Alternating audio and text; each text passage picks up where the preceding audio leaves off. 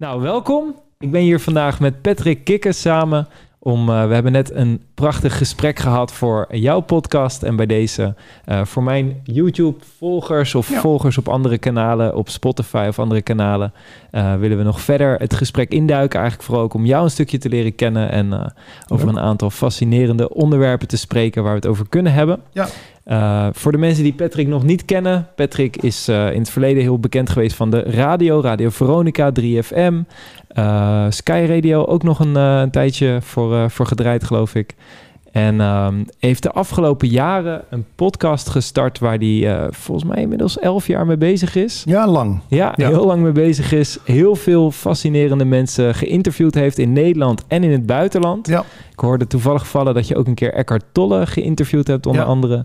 En uh, daarnaast nog een heleboel andere uh, mensen met prachtige verhalen, prachtige ervaringen. En daarin voor jezelf heel veel wijsheid opgedaan. Ja. Um, dus om mee te beginnen, wat heeft je nou bewogen om dat allemaal te gaan doen? Ja, dat is de beste vraag die jij kan stellen. Hè? Dat zit ik me ook nog steeds wel eens af te vragen. Maar ja, ik denk toch gewoon om, om, om mensen te begrijpen. En mm. dus mezelf. Want waar je mensen mm. zegt, heb je ja. het eigenlijk op de eerste plaats over jezelf. Om mezelf te ja. begrijpen, denk ik. Ja. Wat ik toch vaak het verwijt kreeg, ook van mijn vader. Waarom ben je toch zo? Doe mm. toch eens anders. Uh, uh, als je zo doorgaat, ga jij het huis uit. Dan, ja, je krijgt nogal wat op je af. Hè? Dat je dus het idee ja. krijgt, er is wat mis met mij. Mm -hmm. Het ging natuurlijk ja. uiteindelijk over hemzelf. Maar ja. als kind geloof je dat. Ja, ja, precies. Ja, en, en dus eigenlijk, ik heb je in een andere podcast wel eens horen zeggen dat je zei van, nou, eigenlijk was het voor mij een soort zelftherapie om daarmee te beginnen. Ja. En, uh, en eigenlijk alle coaches en alle, alle inspirerende uh, spirituele leraren en dergelijke te kunnen interviewen. Om, uh, om daarvan van te kunnen leren. Laten we eerlijk zijn, je krijgt ook een soort één op één sessie. Ik bedoel, een, een, mm. ik heb jou net geïnterviewd. Ik weet niet hoe jij dat ervaren hebt. Maar doordat iemand je vragen stelt, ja. rakel je bij jezelf ook weer allerlei dingen op. Dat je denkt, oh, daar heb ik al lang niet over ja. over nagedacht. Bijvoorbeeld die vraag die je nu al stelt, zet bij mij alweer iets in beweging. Waarom ben ik hier eigenlijk allemaal mee begonnen? ja, waarom doe ik dit? Ja, waarom doe ik eigenlijk wat ik doe? Ja, ja, absoluut. Nee, zeker. En, en ik kan het 100% beamen wat je zegt. Ik heb dat ook zo ervaren in zo'n gesprek. Jij, jij drukte het net heel mooi uit. Dat je zei, het is een soort dans die je met z'n tweeën doet. Ja. En, en je, je leert gewoon heel erg van de danspasjes van elkaar als ja, het ware. mooi ja. gezegd. Dat is ja, het precies. Nice. Dus ja. leuk dat we het nu ook even andersom doen. Ik ben benieuwd wat je ja, opgerakeld. Ja, ja, ja, ja, ja, zeker. Ja, want als, hè, dat was dus de intentie om daarmee te beginnen. En wat heb je voornamelijk geleerd van het interview van al die verschillende mensen? Nou, dat er eigenlijk niet echt één waarheid is. Ik, ik was natuurlijk ook heel erg op zoek naar de gebruiksaanwijzing voor het leven. Weet je wel? Hmm. Zeg me hoe ik leven moet. Zeg me wat de ultieme manier is. Ja. En ik heb toch wel, doordat ik die, die 300, 400 mensen gesproken heb... eh, geleerd dat ook dingen naast elkaar kunnen bestaan. En daar ben jij een mooi voorbeeld van. Dat heb ik je ook als Mhm. compliment toen je net binnenkwam gegeven. Ja. Jij bent en met persoonlijke ontwikkeling bezig... Mhm. maar ook met spiritualiteit. Ja. Dus voor jou kan dat gewoon samen hand in hand. Ja. Ik heb heel erg lang met bijvoorbeeld, daar was ik heel erg met spiritualiteit bezig. Ik heb me heel erg verzet tegen persoonlijke ontwikkeling. Mhm. Ach, de persoon is maar een verhaaltje en daar hoef je niet aan te sleutelen. Ja. Maar ja, ik ben er toch wel achter gekomen. Ja, maar je kan ook niet alleen maar op die roze wolk gaan zitten en de hele tijd namaste zeggen en, en de boel de boel maar laten. Mhm. Want dan kwam ik bij hele spirituele mensen thuis en dat was gewoon al een jaar niet gestofzuigd. Snap je wat ik bedoel? Dat is Ja, een ja, praktisch ja, ja. voorbeeld. Ja, ja, nee, dat je denkt, Ja, ja. ja, dat is allemaal leuk en aardig dat jij je de hele dag eh amen en, en zit er, eh, hoe noem je dat? Allemaal zit te mediteren. Oké, Ja. je zit allemaal eh, van die chants te zingen, of hoe heet die dingen? Van die... Mantra's. Mantra's, ja. Maar pakken ze een stofzuiger. Precies, ja, ja, ja. We, we leven ook gewoon in een praktische wereld waar je, ja, ja, absoluut. Ja, ja, zeker. Ja. Ja, dat is dan het fascinerende. Als die mensen dan honderdduizend jaar geleden hadden geleefd, hadden ze waarschijnlijk niet heel lang overleefd. Nee. Als je dat praktische stuk eh, Ja. mist. En Ja. daar is echt een voorbeeld van. Het is een beroemde Indiaanse guru. Misschien ken je zijn naam. Ik moet nu zelf eh, eh, even alle zeilen Dat, eh, bijzetten. Ramana, Ramana Maharshi. Maharshi, Ja. ja. ja. Ja. die, liet zich, die lag op de grond, liet zich gewoon aanvreten door insecten. Die moesten ze echt optillen en zeggen, kom eens even gauw mee. Je bent Zeker. ook je lichaam, hè? Mhm, absoluut. Daar moet je ook voor zorgen. Dat is je tempel. Ja, Ja, dus ja, ik, ik, en dat vind ik wel leuk. Dat ik allebei de kanten. Ik heb ze, ik heb ze van. Ik heb dan Tony Robbins niet gesproken, maar we zullen zeggen de Nederlandse Tony Robbins, Michael Pilarczyk, tot Mhm. aan Eckhart Tolle. Ja. En daar zit een hele rit tussen. heel spectrum tussen. Ja. Ja. Ja, absoluut. En wat waren de dingen die voor jou het meest praktisch toepasbaar waren in jouw leven? Nou als we het over Eckhart hebben, toch de, de grootste inspiratiebron. Toch waar jij ook uh, daar straks over had in het nu leven. Dat, het, dat, Mhm. dat heel veel stress veroorzaakt wordt Ja, door mezelf de vraag te stellen: had het niet anders moeten gaan? En wat als dit en dit gaat gebeuren? Weet je? Ja, ja. Twee totaal onpraktisch, onhandige verja- eh, eh, eh, vragen. Want het had niet anders kunnen gaan. Het is al gebeurd namelijk. Mhm. En je zorgen maken over hoe het gaat lopen. En daarbij ook nog eens het hele mo- slechtst mogelijke scenario verzinnen. Mhm. Daar help je jezelf ook niet mee. precies. Ja. En dat voorbeeld heb ik wel thuis van mijn vader gehad. Weet je wel, die was, als de deurbel ging, wat is er nu weer? Wie, wie staat er nu weer aan de deur? Mhm. Weet je wel, ja, man was gewoon overspannen. En, maar ik leerde dus daar van hem wel dat je bij alles ervan uit moest gaan dat, dat als de deurbel gaat, dat dat verschrikkelijk is. Mhm. Maar het kan ook Ja. een leuk iemand zijn. Ja, absoluut, absoluut. Dus de aanname is gelijk Ja. dat het maar negatief eh, Ja. zal zijn. Ja, ja. Dus dat, dat, dat, is, wel- dat is wel een groot inzicht. Dat het denken Ja. ook wel de neiging heeft om steeds vanuit een negatief startpunt eh, te starten. ja. Omdat het je ook een soort van wil helpen. En vroeger was dat ook handig. Inderdaad, als er een onweersbui op komst was. Wij gaan nu gewoon binnen zitten. Maar mensen moesten vroeger ook maken dat ze in de grot terecht kwamen, toch? Absoluut. Ja, ja vanuit overleving. Ja. Ik, ik maak wel eens het grapje dat ik zeg van nou, vroeger was het veiliger om een, eh, een steen voor een tijger aan te zien en heel hard weg te rennen. Dan om een tijger voor een steen aan Ja. te zien en te denken, nou, het, Ja. het zal wel goed Ja, komen. ja, ja. ja. Ja. En dat oerbrein, dat zit natuurlijk, ja, dat weet je ook, dat is nog heel actief in ons. En nu is dan Mhm. zeg maar geen tijger, maar dan is het bijvoorbeeld de Belastingdienst. Die maken we Mhm. al maar tot enorme vijand. Ja. Of de Ja. buren. Want de buurvrouw heeft een keer geen goedemorgen gezegd. En nu is de buurvrouw, oeh, daar heb ik, daar heb ik, daar Mhm. gevaar. Precies, ja, ja, ja, ja, ja zeker. buurvrouw. Conflict, ja. Ja, check. Dus het echt kunnen leven in het hier en nu. En het, het kunnen omswitchen eigenlijk van de negatieve gedachten meer richting meer positiviteit. Ja. Ja, dat en het denken dus niet, niet altijd serieus nemen. Ik heb zelfs als iemand horen zeggen, denken is de urine van het brein. En natuurlijk is dat ook weer Mm. helemaal extreem aan die Ja, kant. Ja, ja, ja, absoluut. Want ik, ik bedoel, denken helpt ook wel. Het helpt ook dat we nu gewoon met elkaar kunnen afspreken hoe laat jij hier bent. Precies. En dat we een beetje de tijd in de gaten houden. En dat we zorgen dat alles is aangesloten en werkt. Maar het is wel zo dat veel waar het denken mee komt. Althans Mhm. mee kwam, moet ik zeggen. Want mijn denken is best wel goed getraind. Ja. Dat het, ja, het kan alle kanten op fantaseren. Als ik dit ding de opdracht geef. Ik wijs nu naar mijn, naar mijn hersenpan. Hè. Als ik dat de Mhm. opdracht geef om te gaan verzinnen. Wat er allemaal beter kan aan deze setting hier bijvoorbeeld. Mhm. Nou, dan heeft het binnen no time 20 dingen verzonnen. Ja, ja. Het had hier warmer moeten zijn. Het licht is niet goed. Eh, eh, jij had toch... eh, ik had nu een glas water moeten hebben. Weet je, Mhm. En voor, daar zit ik mezelf gewoon de put in te denken. Precies, ja. En voordat je het weet voel je je ook zo. Dan, ja, komen, dan, denk, dan ga ik ook helemaal zo zitten. Nou, het is toch niet Ja. comfortabel hier. exact. Precies. Ja, zeker weten. Ja, het is bizar hè, dat ons brein, als we het niet bewust sturen, eigenlijk altijd wel geneigd is om dan richting dat negatieve Ja. meer, eh, meer te gaan. Ja, het zal het wel goed bedoelen. Ik bedoel, Mhm. het, het wil, het wil als een soort van... Bijna als een soort klein kind. Wil het, als je staat te koken, dan komt een kind van, van vier aan je broek trekken... en wil ook helpen met koken. Weet je wel? Ja. Maar ja, pas op. Dadelijk flikkert het- die hele hete pan over dat kind heen. Ja.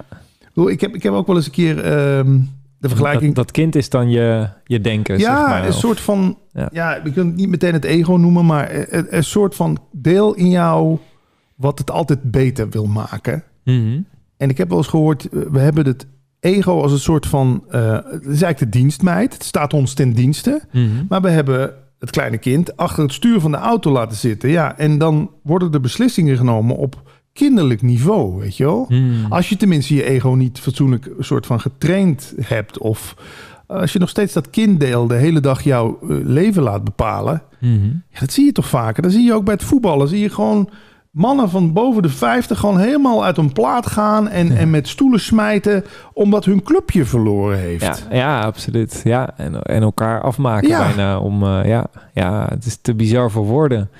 Dat is, eh, nou ja, je had het net over Eckhart Tolle. Die heeft op een gegeven moment in zijn boek ook gezegd van... Hè, als, de, als de mensheid collectief als één individu gezien zou worden... dan zou het zwaar psychotisch Ja, zijn. Ja, Omdat mensen natuurlijk oorlogen en noem het maar op. Ja. Alle ellende eigenlijk eh, misschien wel vanuit dat stuk is ontstaan. We doen het elkaar aan hè, en onszelf dus ook. En ik wil niet zeggen dat er bij mij... Bij mij zijn er ook nog stukken waar ik kinderlijk op reageer of zo. Weet je wel? Ik, misschien dat Mhm. ik als kind, weet ik het, een keer... eh, voor straf naar bed moest zonder te eten.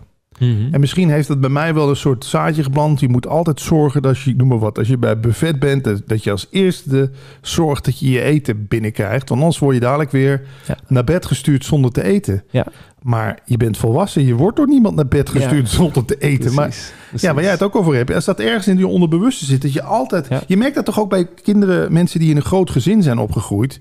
Als je die... Ja, die moet alles Ja, die zit als een gek te punkeren, weet je wel. Klaar, op. Ja, ja, ja. En Ja, ik heb een portie veilig. Ja, ja. En ja, ik, en ja, ik vind dat dan soms wel eens, dan zit ik dan, ja, dan is dat toch de schuld van de ouders. Die hadden dat toch op moeten letten. Maar ja, je ontkomt er niet aan. Je- we lopen allemaal dat soort schades op, toch? Hmm. Ja, tuurlijk, absoluut. Ja, zeker. En hoe was dat voor jou in jouw eh, jeugd? Ja, hoe, hoe was dat voor mij? En op wat voor een gebied? Op het gebied van aandacht of... eh, Eh, nou ja, wat, wat- zijn de voornaamste dingen? Want je gaf natuurlijk aan van, eh, nou ja, ik ben deze podcast eigenlijk begonnen om voor mezelf een verandering te Ja, maken. ja. Ehm, nou, ik weet dat je daarvoor eh, natuurlijk ook een burn-out hebt meegemaakt. Ja. Eh, was dat de hoofdmotivatie om die podcast te beginnen? Was dat... eh, Nou, eigenlijk wel. Ik wilde, ik, ik, ja, het is natuurlijk een voordeel. Ik, je zit thuis en dan komen de mensen naar je toe om jou een soort van toch ook wat kennis te komen brengen. Dat is het leuke Mhm. van podcast. Hè. Je, mhm. dat, is, dat is de winst voor jou eigenlijk. Jij, Ja. jij stelt je huis voor iemand open, je bereidt je voor, je geeft die mensen te drinken, te eten. Ja. En andersom eh, komen zij hun kennis brengen. Mhm. Dat heeft geholpen. Maar als ik het naar mijn jeugd trek, ja, daar is wel het zaadje geplant voor die burn-out. Omdat ik op de lagere school meestal de beste van de klas was, Mhm. leerde ik daar van ja, je moet ergens de beste in zijn. Ja. En dan val je op. Ja. En dan houden mensen van je. Ja. En met een goed rapport met allemaal tienen erop krijg je van iedereen complimentjes en aatjes over je bol. Je krijgt geld voor een doosje Lego. Mhm. En dus ja, maar je kan niet je hele leven lang overal de beste in zijn. Ben ik wel achtergekomen. Dat, ja, er zijn dan mensen waar, die in andere stukken beter zijn dan jij, Mhm. toch? Absoluut, ja.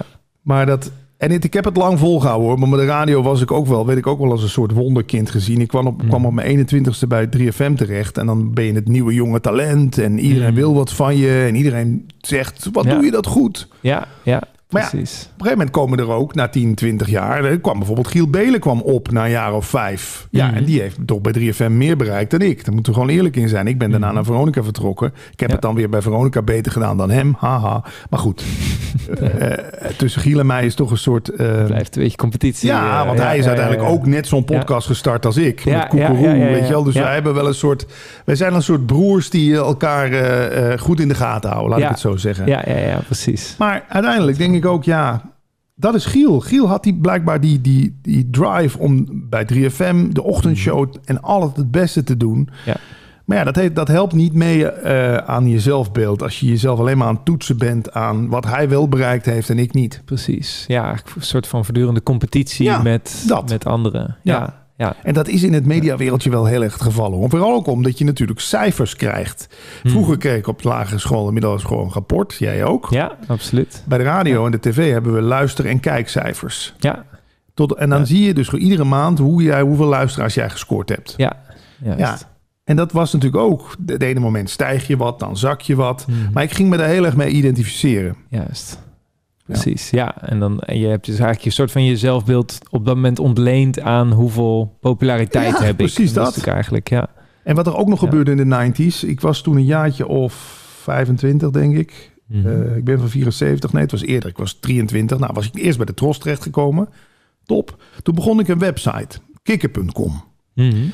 Je had in die tijd nog geen YouTube, Dumpert of geen stijl. Dus iedereen op Ja. die scholen zaten allemaal op kikker.com. Ja. bij mij de funny files te bekijken. Mhm. Nou, had ik op een gegeven moment 25.000 bezoekers per dag. Dat is voor een website aardig wat, hè? Dat weet Flink, je ook. absoluut. Dat is flink. Zeker, ja. Dus dan kreeg ik weer de bevestiging van... ha, zie je nou wel, ik ben op het internet ben ik ook de koning. Ja, ja, ja. Maar dat hou je natuurlijk een x aantal jaren vol. Ja. Toen heb ik nog een succesvol YouTube-kanaal gehad.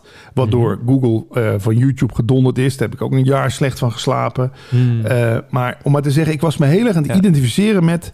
wat is mijn bereik? Wat presteer Ja. ik? Hoeveel complimenten krijg ik? Ja, Ja. het recept voor burn-out natuurlijk. Ja, precies, precies. En hoe is dat nu anders?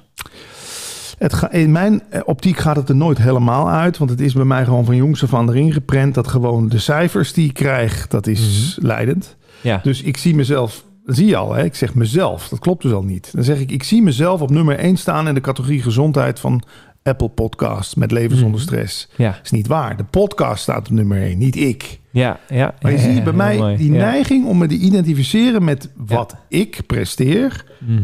die is er nog steeds. Ja. Alleen ik heb het wel door van mezelf. En dat is al winst natuurlijk. Dus het is een stukje bewustzijn. Ja. Vanuit dat stukje bewustzijn merk je dat je het nu daardoor makkelijker los kan laten... of dat je er anders mee omgaat. Of... Het, het, eh, ik ben er niet meer zoveel mee bezig. Ik kijk Mhm. natuurlijk één of twee keer per dag wel hoe doet de podcast het. En die nieuwe aflevering doet hij Ja. het goed. Ja, ja. Maar ehm, ja, het is ook bijna niet meer te doen. Want we leven natuurlijk in een Mhm. tijd waarin... eh, vroeger had je, werd iemand bekend en die bleef dan ook heel lang bekend. Ja, Maar nu in de tijd van al die influencers en vloggers... Ja. One day you're hot, one day you're not. Precies. Dus ja. ik, ik ben gestopt ook met te kijken van... ja, wie, wie doet het nog meer goed? Mhm. En nu is Giel dan met, met zijn podcast succesvol... Ja, En dan gebeurt hem dat met dat flesje. Dat zul je ook gevolgd hebben. Hè? Dat hij, ja, was niet meegemaakt. nou, hij was negatief in het nieuws omdat hij een of ander Mhm. flesje verkocht met druppeltjes. Ja, En dan denk ik ook alweer, ach ja, kijk, dan zie je het bij Giel ook alweer gebeuren. Ja. Gaan ze hem daar weer op afrekenen?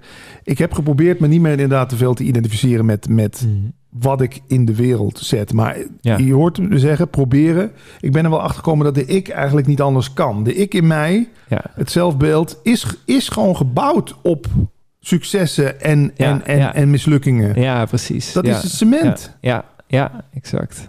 Ja. en probeer maar eens ikloos door het leven te gaan. Dat is ook knap lastig. Ja, zeker. Ja, en, en zie maar eens, als het alleen maar heel praktisch... Hè, dus als je dat inderdaad met je podcast doet... zie maar eens niet uit te maken wat voor cijfers je hebt, weet je wel. En dat is inderdaad wat ik in ieder geval zelf ook wel merk. Want ja, dat is natuurlijk denk ik waar iedere creator doorheen gaat. En sterker nog, eigenlijk vandaag de dag waarschijnlijk iedereen doorheen gaat... die ofwel een Facebook of Instagram Ja. of een YouTube-account heeft...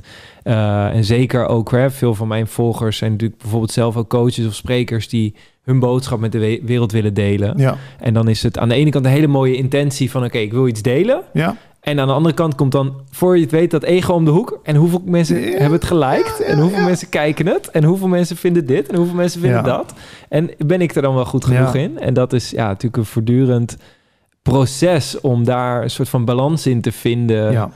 Eh, dat Het is een gevecht. eh, ja. En vooral omdat jij en ik allebei successen gekend hebben. Je hebt ook YouTube-video's die 400.000 keer bekeken zijn. Ja. En, dan, en dan zet je de nieuwe video erop en die wordt dan duizend keer bekeken. Ja. Eigenlijk zouden we moeten denken, ja, maar misschien zitten bij die duizend mensen wel, wel honderd mensen die er echt het aan gehad hebben. ja, precies. Dat is de waarde. Je weet het nooit. Maar ja. eh, aantallen, en zeker omdat er in Nederland ook zo, ja, en ook heel veel de wereld. Mhm. Als jij een YouTube-video doorgestuurd kijkt, kijk je toch automatisch hoe vaak is die bekeken. Precies, ja, zeker. Ja, ja, de sociale bewijskracht zit toch een soort van ingebakken Ja, van is dit de moeite waard of niet op basis van hoeveel, hoe vaak iets Ja, bekeken wordt. omdat er Ja. zoveel is ook. Op Netflix kijk ik ook in de top 10 trending. En, en wat, oh, maar dan zie je bijvoorbeeld met Squid Game. Ik weet niet, heb je die gezien? Nee, wel de trailer. maar, Oké. eh, het, het zag er een beetje creepy Ja. uit.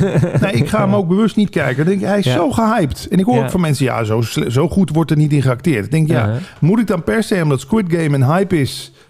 Het gaan kijken? Omdat het zo vaak, het is de best bekeken Netflix-serie ooit, wordt er dan gezegd. Ja, ja, Ja, en? Ja, ja.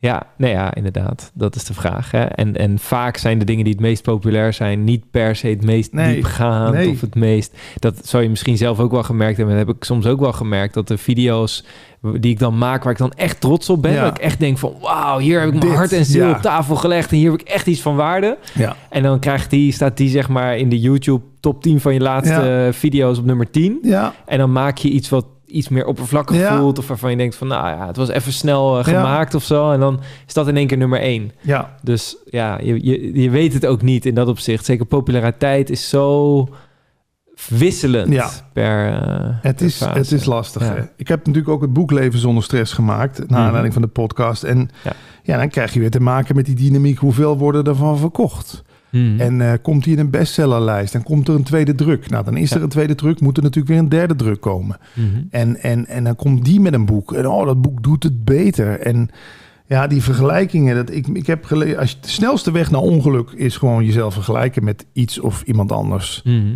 Dat is Ja. gewoon, ja, Ja, weet je. precies. precies. Dat, ja. dat is, en waarom moet het ook? Maar ja, is, zo- eh, we leven natuurlijk wel in een competitieve maatschappij. Mhm. Waar gaat het op tv over? Daar gaat het toch ook over in de top 40 al van de muziek. Ja, die plaat doet het beter dan die plaat. Ja, wat zegt dat? Ja, absoluut. Maar ja. Geloof je dat dat stukje competitie ook iets goed kan brengen? Of geloof je dat we eigenlijk gewoon beter daar helemaal van af kunnen stappen? Ja, ik heb daar een beetje een haat-liefde verhouding mee. Want natuurlijk kan het mij ook uitdagen om te zeggen... nou, dan ga ik nog beter mijn best doen... want ik wil ook op nummer 5 Mhm. terechtkomen. Maar ja, je weet ook, er wordt A, veel gefraudeerd. Je kan bijvoorbeeld je plaat de top 40 inkopen. Mhm. Spotify plays kun je kopen. Je kan YouTube plays kopen. Je Ja. kan volgers voor Instagram kopen. Ja. Dat vind ik er moeilijk aan. En ehm, nou, vooral voor kinderen vind ik het heel lastig. Ik weet dat ze in Finland eh, een systeem hebben waarbij ze tot het een kind tot een zestiende krijgt geen cijfers. Mhm. Je krijgt alleen beoordelingsgesprekken. Nee, niet eens beoordelingsgesprekken, voortgangsgesprekken. Van Mhm. wat gaat goed, waar moet je misschien wat meer aandacht aan besteden. Ja. En mijn hart maakte een sprongetje toen ik dat hoorde. Ik denk, Ja. wij worden van kinds af aan krijgen wij gewoon cijfers. Wij worden afgerekend op wat we doen en wat we kunnen. Ja. En het zal wel ergens nut hebben, bedoel, tuurlijk. Mhm. Maar het levert ook meteen zoveel verschillen in een klas op. Je zal dat ook gemerkt Ja. hebben. Ik had dat een 1 voor Duits. Ik, Duits lukte me gewoon niet. Maar ik had wel geschiedenis een 9. Ja, Ja. Wat, maakt, wat zegt dat over mij? Weet ja. je wel? Ja, precies. Ja, zeker weten. En, en natuurlijk, wat is jouw, eh, jouw talent, jouw, jouw ding waar jij gewoon goed in bent, waar Ja. ben je uniek. En je hebt uiteindelijk natuurlijk als DJ en als podcaster gewoon iets prachtigs de wereld ingezet. Wat niks te maken heeft met ofwel Duits, Duits, ofwel geschiedenis, geschiedenis. of Nee. aardrijkskunde. Dus Maar ja, Nee, het, dus dat, dat, eh, ik, ik ben wel met je eens dat natuurlijk wel. Maar bijvoorbeeld, dit vind ik mooi. Hè? Boeddhisten die kwamen wel eens in Nederland eh, kijken bij een eh, hardloopwedstrijd. mhm, En dan renden mensen de 100 meter. mhm, Toen zeiden ze: waarom krijgt eigenlijk alleen de eerste die over de finish kwam een medaille? mhm. Ze hebben toch allemaal die afstand afgelegd? Ja, ja, ja, precies. Zo kan je er ook naar ja. kijken. Ja, ja Maar nee, alleen maar- absoluut. Ja. Bart Smeets, die sportpresentator, heeft ooit gezegd: de nummer twee is de aanvoerder van de verlie- verliezers. Ja, zo denken wij dat dus ja, dat is vaak dat, dat hele sterke competitie. Ja. ja. En aan de andere kant, als je... Want dat zie je dus ook wel eens, hè, dat inderdaad een sportwedstrijd... dat iedereen krijgt een, een meedoeprijs. Oh ja, ja. Hè, Poolprijs. Dus, eh, ja, ja, je hebt allemaal meegedaan, dus je Ja. krijgt allemaal krijg je een, eh, een, een prijs Ja. daarvoor. Eh, heb je dan zoiets van, nou, dat zou een mooi alternatief zijn? Of zeg je van, nou, dat is hem toch misschien ook weer niet helemaal? Ja, we krijgen het denk ik niet veranderd. Want er zit natuurlijk iets anders achter. Daar zul Ja. jij door je studies en alle boeken die je Mhm. gelezen hebt ook achter gekomen zijn.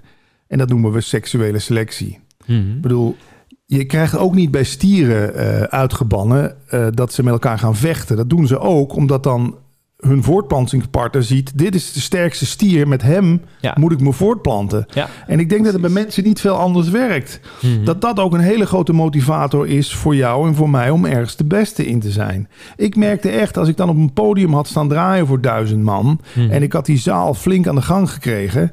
Ja. Ja. dan waren er vrouwen die interesse in mij toonden. Mhm. Had ik daar Ja. staan draaien voor een half lege feesttent en niemand had gedanst... hadden, Ja. die, hadden die vrouwen geen interesse in mij getoond. Nee, absoluut. Bij de radio, idem dito, toen ik nog iedere dag op de radio was... eh, kon ik bij wijze van spreken...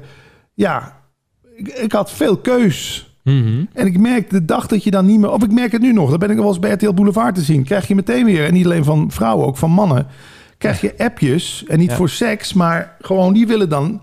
Ja, die Hmm. willen bij de aap horen die even bovenop de rot zit. Ja, ja, ja, precies. Ja, ja, zeker. Dus ja. ik denk dat al die systemen... dat dat ooit door de biologie, door ons genenpakketje... gewoon uitgevonden is. Natuurlijke selectie. Ja, natuurlijke selectie. Wat- ja, ja, Bewijzen dat jij toch ergens de beste in bent... vergroot jouw kans op voortplanting. ja, precies. En overleving. Want mensen willen bij je horen. Mensen willen dingen voor je doen.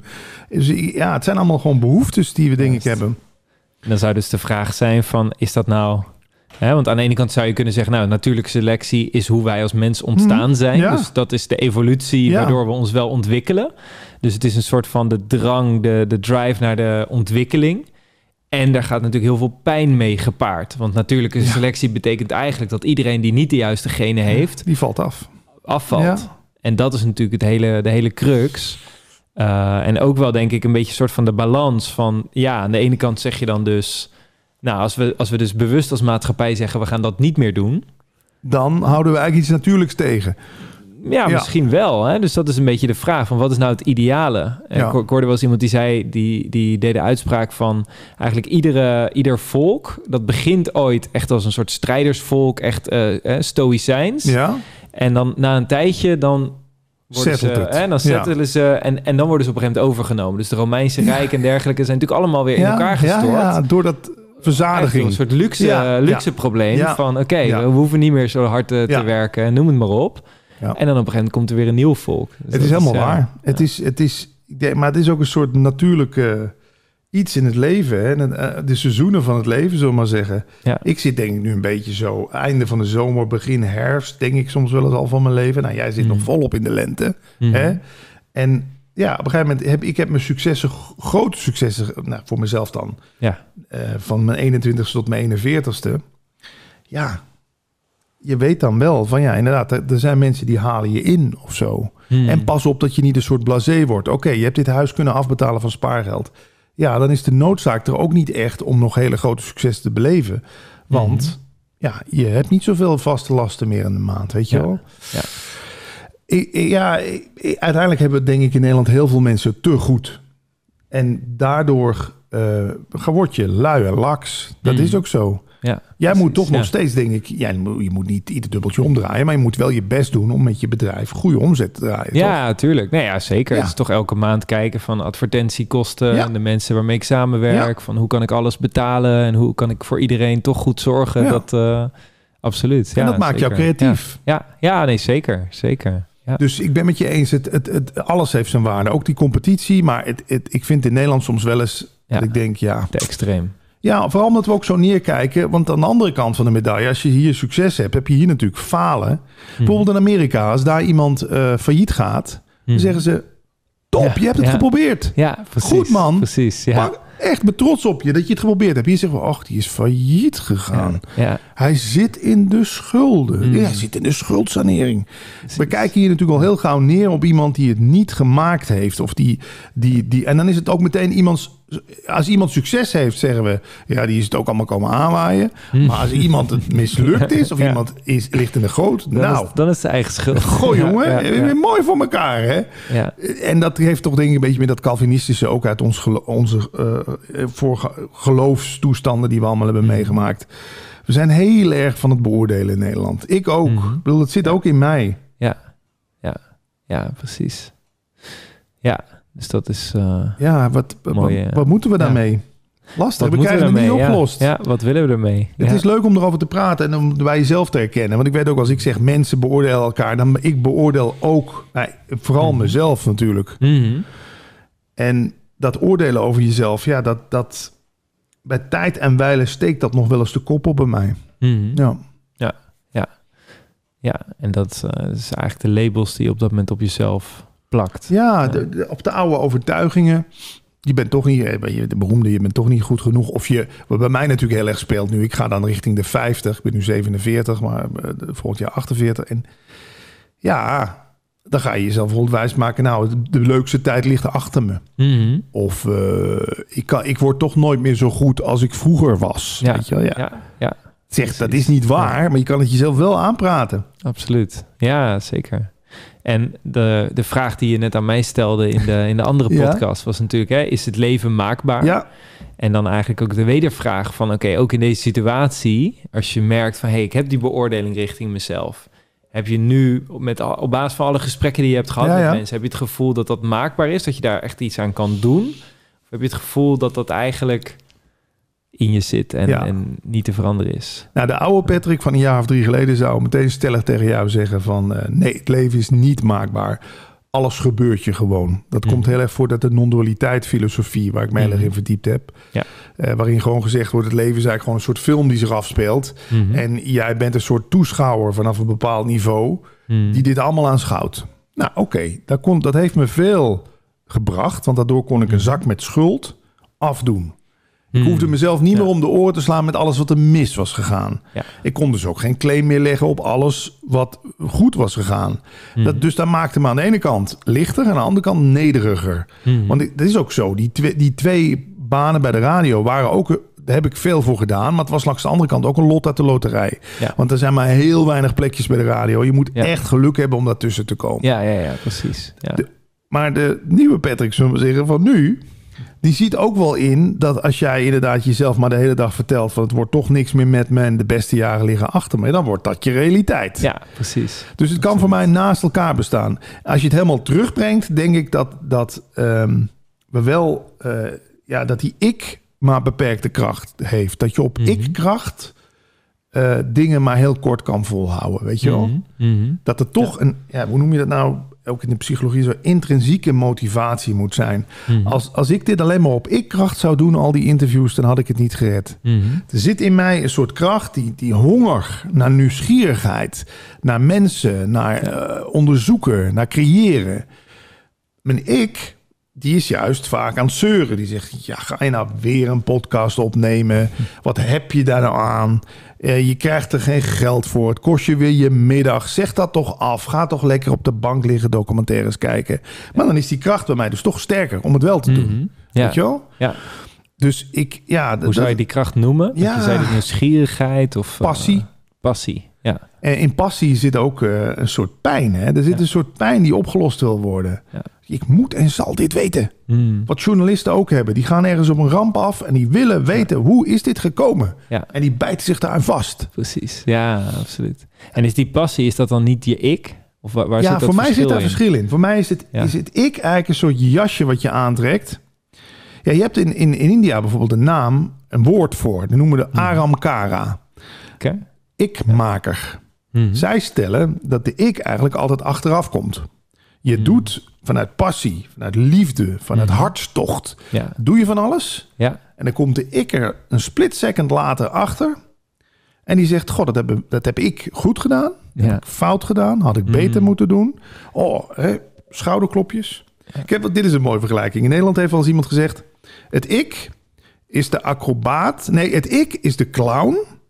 die het applaus voor de acrobaten in ontvangst neemt. Hmm. Ik weet niet of je al eens in een circus geweest bent. Dan zijn Ja, de acrobaten zijn allemaal Ja. hele stoere dingen aan doen. En, en trapeze en over het Precies. zwieren en zwaaien. Ja. En dan komt daarna de clown komt de piste binnen en zegt... Lekker. ja, ja, ja, ja, ja. Ja, dat, ja, dat. Ja, ja, ja, ja. Oh, wat grappig. Ja. Ja, dat is een mooie metafoor. Ja. Ja. En de ik is dan ook het ego? Of is dat, is dat net iets anders? Ja, dat is, daar ben ik ook nog niet helemaal achter. Er, er zit in ons een kracht die graag inderdaad gewoon eh, claims legt op wat we doen. Mhm. Maar als je heel eerlijk bent, heb jij er niet voor gekozen wat jouw talenten zijn. Toch? Mhm. Dat je jezelf gedisciplineerd hebt, daar geloof ik wel in om je talenten maximaal te benutten. Mhm. Maar die, dat kwam ook ergens vandaan, weet je wel? Ja, de, het is natuurlijk heel interessant van je hele geschiedenis. Je, maakt bepaalde dingen mee. Hè? We, we hebben het in, in de, waar, waar, de andere podcast Ja. waarin je mij vragen stelde, natuurlijk gehad over mijn eigen eh, angsten en uitdagingen Ja. in mijn jeugd. En, en je hebt natuurlijk jouw dingen gedeeld en dat Ja. vormt een bron van motivatie. En dan is natuurlijk ook het verschil. Sommige mensen doen daar dan ook iets mee en anderen doen er niks mee. Ja. En ik had eigenlijk altijd al wel een beetje het verlangen om iets ermee te doen. Dus ja. dat verlangen zat ook al ergens. Dus ja, je zou inderdaad kunnen zeggen van... hé, hey, eh, waar is dat dan weer vandaan Ja. gekomen? Hè? En dat is inderdaad... eh, in de psychologie noemen ze dat nature versus ja, nurture. nurture. Ja. Kijk, het heeft denk ik heel erg ook met de omgeving. Als jij een drugsverslaafde moeder en vader had gehad, was jij misschien ook gewoon nu in, had je in de goot gelegen, was je ook je- met, je, met Hmm. spuit in je arm. ja, zeker. Het zou heel goed kunnen. Ja, er zijn natuurlijk ook mensen die drugsverslaafde ouders hebben... die dan Die- juist daar ja. weer het tegenovergestelde gaan doen. Maar het zou sowieso een ander effect Ja. hebben. En dat is natuurlijk... Misschien, ja, hoe ik het ook wel eens zie... is er zijn eigenlijk zoveel factoren van invloed in het leven... dat wij proberen het te begrijpen. Van, oh ja, als mijn ouders dit waren geweest... of als dit of dat... Maar elke milliseconde van de dag maak je bewust en onbewust alweer alle, allerlei beslissingen. Ja, Dus misschien is het ook wel te groot om echt te snappen. dat. Misschien is dat, ja. Want uiteindelijk, Dat eh, ja. Dit is een soort dobbelsteen ook die gegooid wordt. Maar daarmee Ja. wil ik ook weer niet Ja. meteen zeggen dat je nul keuze en nul vrije wil hebt. Hmm, Want het is natuurlijk, dat, dat is ook een valkuil. absoluut. Daar kan je heel ja. apathisch van worden. Ja. Alleen ik geloof wel in een grote mate van ehm, ja, toch ook geluk hebben. Ja. Je hebt toch het geluk dat je, dat je bijvoorbeeld ja, een goed stel hersens hebt. Mhm. Daar heb jij bij geboorte niet voor gekozen. Weet je, ze hebben jou geen formulier gegeven. Nou, wat wil jij in dit leven? Goed stel hersens? Goede babbel? Mhm. Mooie ogen? eh, wel of geen haar? Ja, nee, ja, je, hebt, je hebt een bepaalde genetische loterij Ja, eh, gewonnen. Ja, En dan ja, mogen we best zeker. soms eens, weet je, dat vind ik in deze tijd van, van, eh, van ja, you can do it en leef je mooiste leven, vind ik dat we Mhm. ook wel eens mogen stilstaan bij, Ja. ja, maar, en bijvoorbeeld neem Kelly Wekers, die ken je Mhm. misschien, is zo'n coach, hè? Oké. ja. Ze is ooit Miss Nederland ja. geweest. Ze heeft een bestsellerboek geschreven. Mhm. En zij klopt heel erg op haar borst en zegt van ja, dat heb ik gedaan. Mhm. Dan heb ik een keer onder een post op LinkedIn van haar geschreven... Kelly, tuurlijk, je doet het goed. Maar bedank ook even je ouders voor je mooie genenpakketje... waardoor jij Miss, Un- Miss Nederland bent geworden. Ja. Eh, bedank ook even eh, alle mensen die op je gestemd hebben. Bedank ook de uitgeverij dat ze met jou een boek wilden maken. Mhm. Ik hou wel van ook een beetje nederigheid. Ja, ja, ja, precies. Ja, ja. Het is ook een unieke balans, hè? Tussen aan de ene kant je... eh, Trots zijn. Je trots Ja. kunnen, kunnen Ja. zijn op wat je doet. En niet jezelf, waar heel veel mensen natuurlijk ook last van hebben... een soort van de inferioriteit. Van Ja. ik, ik ben niet goed genoeg of dus. ik doe het niet. En dan, het is natuurlijk altijd makkelijker en comfortabeler... om andere mensen complimenten te geven ja, dan, dan jezelf. jezelf. Ja. Eh, en tegelijkertijd wat ik bijvoorbeeld ook in mijn bedrijf ook merk... is van ja, ik kan wel doen alsof ik het allemaal alleen doe... En ik heb natuurlijk in het begin ook veel alleen gedaan. Maar goed, nu op dit moment, ik word ook geholpen door Ja. mensen die de vers- verstand van de marketing hebben en andere dingen. En Ja. dat merk ik ook wel vaker. Zeker, hè, mijn bedrijf is dan nog, eh, we doen het met z'n vijven nu. Ja. Uh, maar stel je voor, eh, je hebt natuurlijk ook bedrijven van mensen die 4, 5, 600 mensen in dienst hebben. Ja. En dan is de ondernemer, ja, eh, die, die heeft het allemaal gedaan. Ja, ja, ja. Terwijl die 400 mensen die ook elke dag aan het buffelen zijn, die ook volle bak bezig zijn. ja. Ja, je doet het uiteindelijk samen. Dus dat, eh, En, en laten we ja. je vriendin niet vergeten. Dan vond ik ook zo leuk Zo, dat, dat je aan haar refereerde in die podcast voor Leven zonder stress met jou. Mhm. Doordat jij zo'n fijne thuissituatie hebt, kan jouw bedrijf natuurlijk ook floreren. Ja, absoluut. Ja. Als jij nog Ja, heel erg zeker. aan daten was en swipen op Tinder en, en dan werd je hart weer of een gebroken. relatie waar je elke dag hoofdpijn van hebt. Ja, gewoon een rotrelatie. nog erger. Nog erger. Of, of eh, constant blauwtjes lopen. Of nog erger, wat ook niet fijn is voor een man. Of voor een mens überhaupt. Om constant maar te switchen van partner. Dat geeft Mm. onrust. Ja. Dat geeft, dat, het lijkt wel lekker, maar dat maakt ook allerlei stofjes aan dat je constant onrustig Mhm. bent. Dus de volgende kick, Ja, dan kun je een soort weten. seksverslaafd worden. Ja, nee, wees blij dat dat allemaal gewoon... Daardoor Ja. kan jouw bedrijf ook floreren. Dus Ja. ik, ik hou er wel van om ook zo... Maak jij wel eens dankbaarheidslijstjes? Ik doe eh, elke ochtend eh, die priming van Tony Robbins. Ja. Dat is een, een visualisa geleide visualisatie... waarbij je dus begint met drie dingen waar je dankbaar voor Nou, bent. hier. Dus dat is, eh, dat is prachtig. Ja, ja, absoluut. Ja. En daar, Ja. daarmee wil nog niet zeggen dat je dan niet meer... Want het wekt in mij een gevoel op van... Wauw, wat Mhm. ben ik toch een geluksvogel, weet je wel? Ja. En dat geeft me weer zelfvertrouwen om dingen te durven. Ja, precies. Ja, absoluut. En dat is het ding, dat, ja, hè, dat is zo waardevol, zo Ja. belangrijk om die dankbaarheid gewoon eh, echt te kunnen voelen. Ja, ja, ja, absoluut. Ja, want ik had ook heel, heel erg de neiging om... eh, omdat ik zo verslaafd was aan complimentjes en aandacht... Mhm. Ja, dat, wat probeer je daarmee te maskeren? Daar probeer je eigenlijk mee te maskeren dat je bang bent voor kritiek. Ja. Want eh, je zag, de, waar we de vorige podcast mee begonnen zijn... ja. was meteen een één ster recensie eh, op, eh, op Apple Podcasts... van een Ja. vrouw die niet tevreden was. Mhm. En ja, als ik heel gevoelig ben voor vijf sterren recensies... dan doet een één ster recensie me heel erg zeer. Ja, ja, absoluut. Ja, ja zeker. Terwijl ik, ben, ik heb inmiddels geleerd, ja, wat zegt dat inderdaad over diegene die zo'n recensie schrijft? Ja. Als ik, ik merk ook, als ik op het moment dat ik, ik noem maar wat, stel ik heb ehm, gewoon een heel leuk weekend gehad. Dan zou het niet in me opkomen om een één ster recensie te schrijven ergens. Weet je, ik ben, Mhm. ik ben, eh, ik doe het tegen iedereen leuk en ik deel cadeautjes uit, want ik ben blij, ik ben happy. Absoluut, ja. Dus ja, je moet heel, denk ik, ongelukkig zijn. Wil je ergens een één ster recensie gaan neerzetten? ja. ja, nee, dat sowieso. En, eh, en wat je zegt, hè, dat is dan gewoon een, een belangrijk thema. En ik merk het zelf ook hoor. Ik heb zelf heel lang alleen maar mensen om testimonials of, of Ja, feedback ja. gevraagd... als ik zeker wist dat ze absoluut een vijf sterren ding zouden Ja. schrijven. Ja.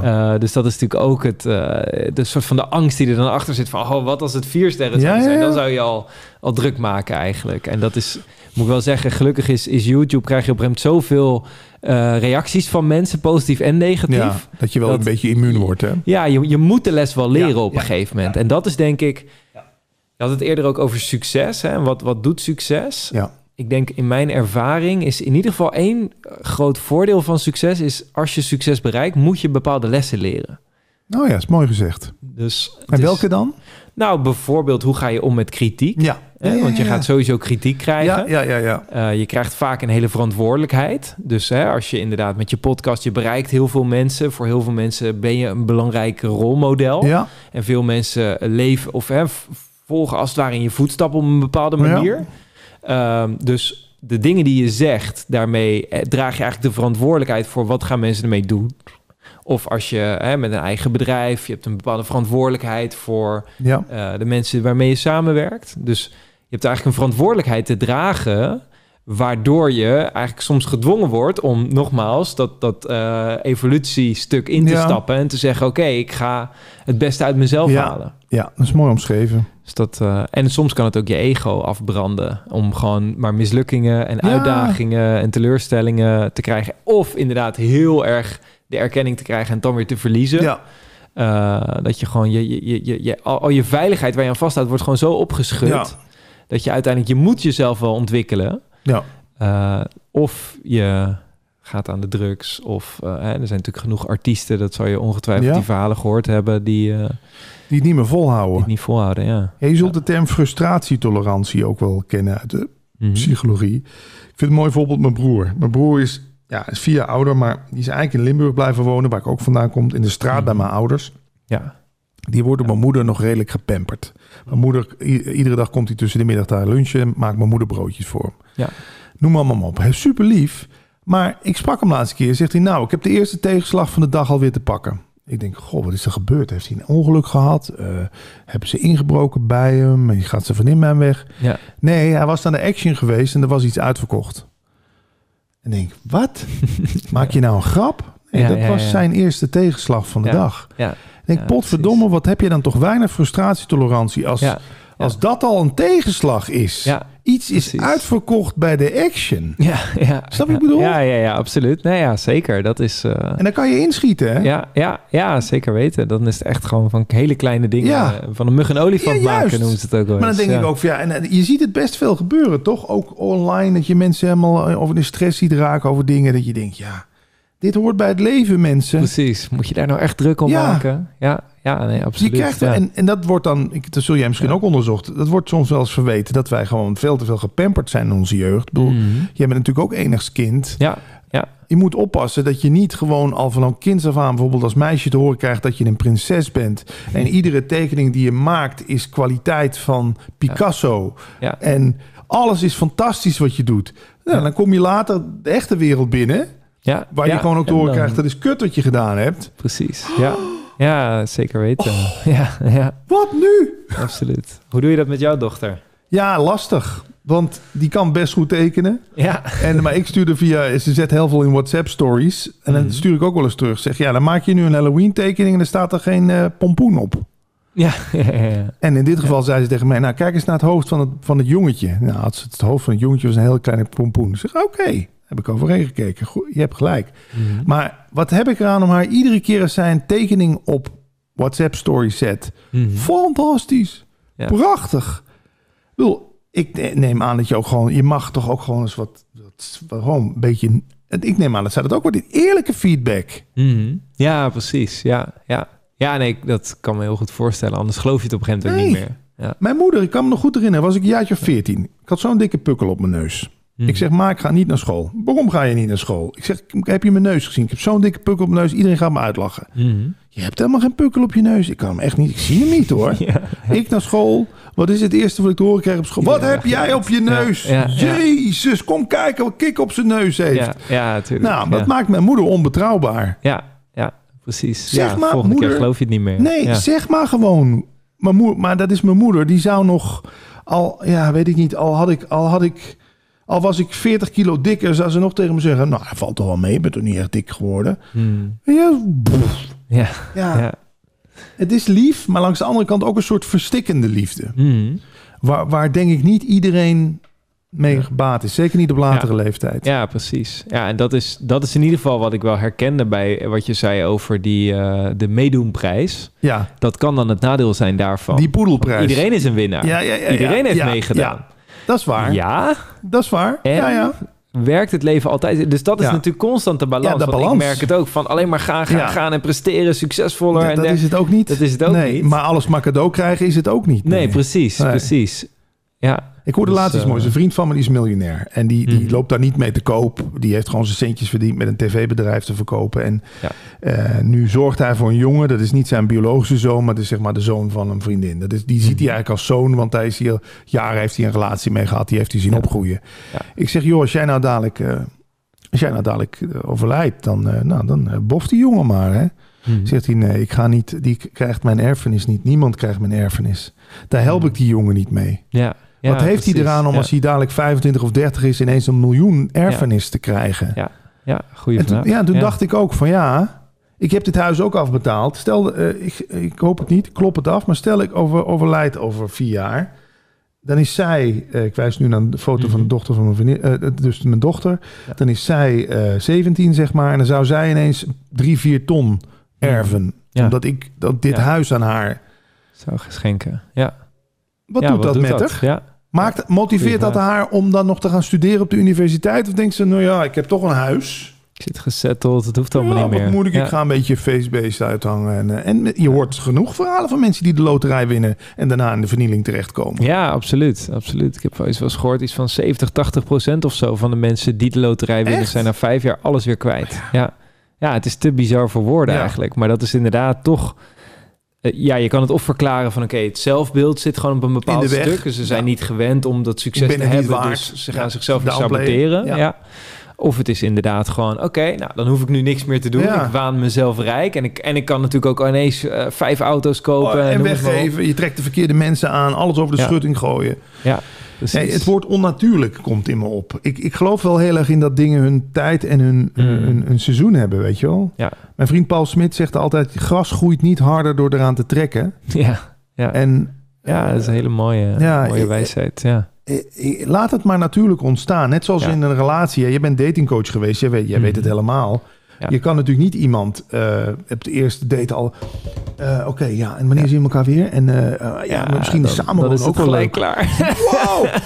Dan is het echt gewoon gelijk afgelopen. Ja. Ja. absoluut, absoluut. En ik zie de loterij winnen een beetje als dat. Dat iemand ineens gewoon een gro- grote kar met geld in je tuin kiepert. Ja. Je bent bang dat het wegwaait. Je, bent- je weet, het wordt nat. Je denkt, wat moet ik ermee? Mhm. En, en voor je het weet, levert dat je stress op. Ja, absoluut, absoluut. Ik merk het zelf in ieder geval. Ik heb dat heel veel gehad in mijn bedrijf. Dat ik maar echt gaan, gaan, gaan om maar eigenlijk bijna soms te forceren dat het dat naar de next level moest Ja. gaan. Hè? Dus Ja. dat het echt die volgende stap moest behalen. Ja. En dan is eigenlijk ook een stukje dat forceren. En de, ironie is dat het dan vaak het omgekeerde effect heeft. Ja. En wat ik nu steeds meer ook realiseer is van... hey, ja, werk hard, werk vanuit inspiratie... Werk vanuit eigenlijk liefst die innerlijke overvloed... vanuit die creativiteit... En, en stop er dan gewoon echt de energie in die je erin wil stoppen. stoppen. En, en gewoon om, om dat vol, volle bak neer te zetten. Ja.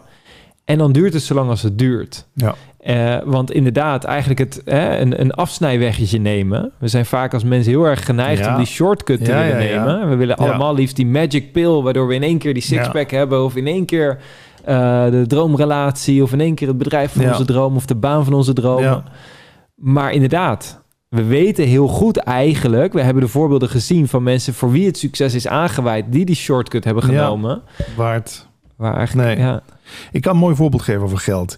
Mhm. Ik kreeg ik, ja, bij Veronica een heel goed salaris gestort. Mhm. Ehm, maar ik werd ziek. Maar dan heb je een vast contract. Dan loopt het gewoon door. Ja. Dus tijdens die burn-out, ik durfde niet eens meer naar mijn rekening te kijken. Ik denk, fuck, ze hebben het weer gestort. En ik heb er niks voor gedaan, weet je wel. Hmm. Langs de andere kant, de eerste Ja. euro die ik verdiende met columns schrijven... nadat ik eh, weg was bij Veronica. Mhm. Weet je wel, hé. Hey. Ja. En dan zie je, Ja. hier krijg je, weet ik het, 6.000, 7.000 euro gestort. Ja. Hier verdiende je 10 euro, noem maar wat. Ja. Die 10 euro. Woe! Hele andere betekenis. Ja, daar zat zoveel Ja. waarde. Ik was er trots op. Weet je, Ja. ik denk ook dat niemand eigenlijk uiteindelijk geld wil verdienen met iets waar hij niet trots op is. Mhm. De, de- de- ja, ze zullen er misschien zijn die denken, nou, ik, ik voer geen flikker uit op mijn werk, maar ik krijg iedere maand mooi 5000 euro gestort. Mij hoor je niet. Ja. Maar ik denk dat het je van binnen stiekem kapot maakt. Want Precies. Ja, absoluut. we willen iets Absoluut. verdienen. Je, je wil ook niet een, met spieken een 10 krijgen voor een proefwerk. Ja, misschien is het leuk voor één keertje, omdat je het Mm. echt nodig had om dat cijfer op te krikken. Ja. Maar ja, Ja, maar je zal er nooit trots op zijn. nee, het zal nooit die voldoening geven. Precies. Ja. ja, dat zijn wijze woorden. Dat is echt... eh, Maar daar moet Dat je toch ja. achter komen. Ik denk, jij hebt, ze ook, jij hebt Ja. dat ook al ondervonden. Dat, de- de- Hmm. Uiteindelijk weet ik dat, want het staat in al Ja. die boeken ook. Hè, dat succes, nou, de een zegt succes is een keuze. De ander, wat jij netjes zei en wat ik met je eens ben, succes is maar net welk begrip je eraan geeft. ja, En- wat betekent succes voor jou? Ja, goeie. Dat, dat varieert. Ik bedoel, ik vind dit bijvoorbeeld een succesvolle middag. Mhm. Maar ik moet eh, straks na vijf ergens een pakket ophalen. En ehm, dat heb ik besteld. Een soort m- mystery box waar ik niet van weet wat erin zit. Ik, vind dat, ik hou daarvan. Ik vind dat leuk. Ja, alright. Ja, het kan best zijn dat als ik dat openmaak, dat ik dan, dat, dat een tegenvalletje is, weet je wel. Ja. Dus ik, ik laat succes heel erg wel ehm, ja, een beetje ontstaan in het moment. Mhm. Ik denk, want als je jezelf gaat definiëren als succesvol, dan leg je jezelf ook nogal wat op. Want als ik mezelf definieer als succesvol, een succesvol iemand mag nooit een pakket krijgen wat tegenvalt.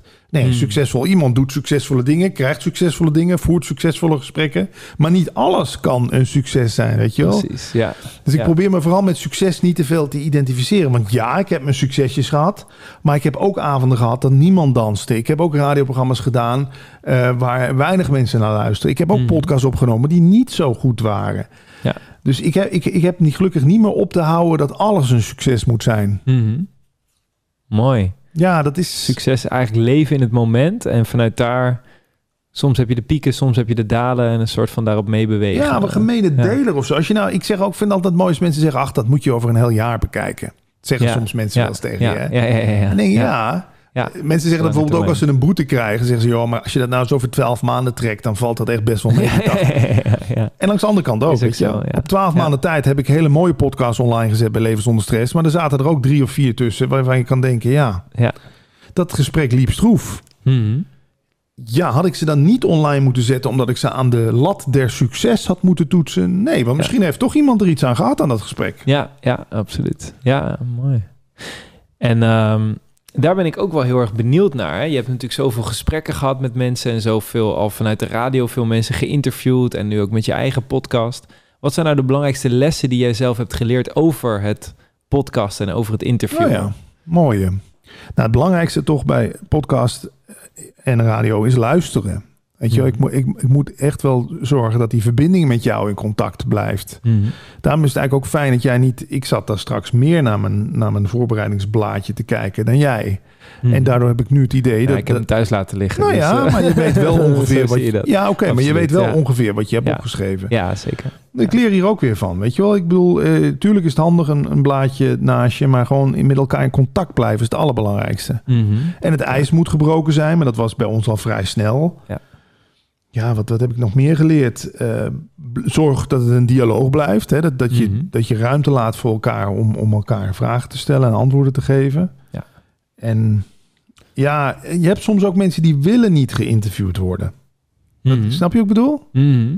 Dus je bedoelt daarmee die willen meer monoloog afsteken? ja, die, of, die zijn eh, bijna bang voor... Ja. Want dat is natuurlijk logisch. Als ik bang ben voor een kritische vraag van jou... Ja. zolang ik maar zelf de hele tijd aan het woord blijf... dan kan jij me geen kritische vraag stellen. Dan kijk ik gewoon de andere kant op... en dan krijg jij geen kans Ja. om in te breken. En bla, Ja, bla. ja, ja. Dan heb je de ik- zekerheid van het weten wat je gaat Ja, zeggen. lekker veilig. Ja. En wees ook niet bang om iets een keer te zeggen... ik weet het niet. Dat zeg ik ook tegen mezelf. Ik weet het niet. Of een keer te zeggen... ja, Ja. Dat antwoord had ik, ik... ja, ik sorry dat ik het een beetje verkeerd uitleg. Weet je. We zijn toch mensen? We zijn geen robots die perfect moeten zijn. Mhm. Dat, ik denk dat ik dat wel een beetje geleerd heb. Ja. En dat toch de zoektocht van mensen over het algemeen wel redelijk hetzelfde is. Waar mensen echt naar op zoek zijn. Ja, precies. Ja, ja, zeker. Dat heb je uit, uit alle gesprekken gewoon gehaald. Ja. Dat, eh, ja, ja. Een stukje acceptatie, eh, gezien willen worden, dat zit toch ook in ons. Mhm. Angsten zitten in, in heel veel mensen. En dat zelfs de grootste goeroes Mhm. gewoon ook de hele dag ook het zich tegen zichzelf hebben, weet je wel? Mhm. Ja. Eckhart Tolle is ook heel knetterdepressief geweest. Die heeft Ja. natuurlijk ergens Ja. ook nog de angst om ooit nog weer eens depressief te worden. Dus alle goede adviezen die hij jou vertelt, Mhm. keer op keer. aan zichzelf. Ja.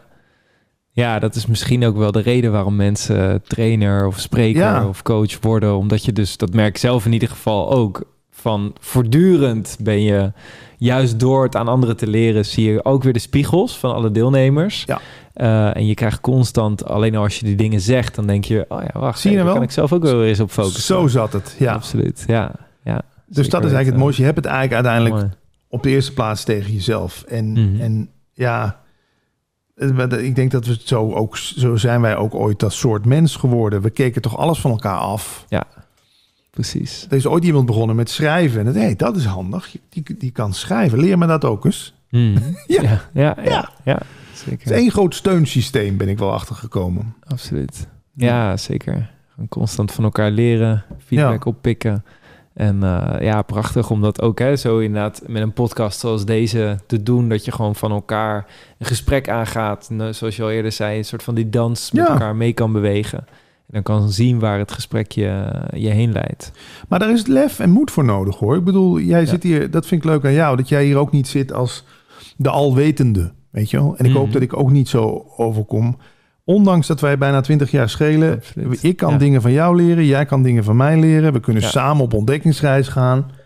Zeker weten. En durf, durf dat dus inderdaad, ook al ben je coach, ook al heb je 70 certificaten, durf ook Mhm. gewoon nieuwsgierig en open, durf dingen ook aan de kaak te stellen. Misschien, Absoluut. misschien is het helemaal niet waar wat ik daar geleerd heb. Mhm. Of misschien is het inmiddels anders voor mij. Ja, ja, ja, precies. Of zijn er bepaalde nuances te Ja, ontdekken nuances. die toch weer net even anders zijn. Ja, Ja.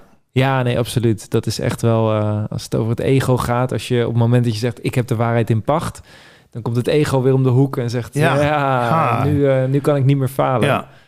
En dat heb ik soms eh, nog wel eens op, op, op mensen als Michael Pilarczyk tegen. Nou, niet op de mens, want ik heb op de mens Michael helemaal niks tegen. Maar als je heel erg presenteert van...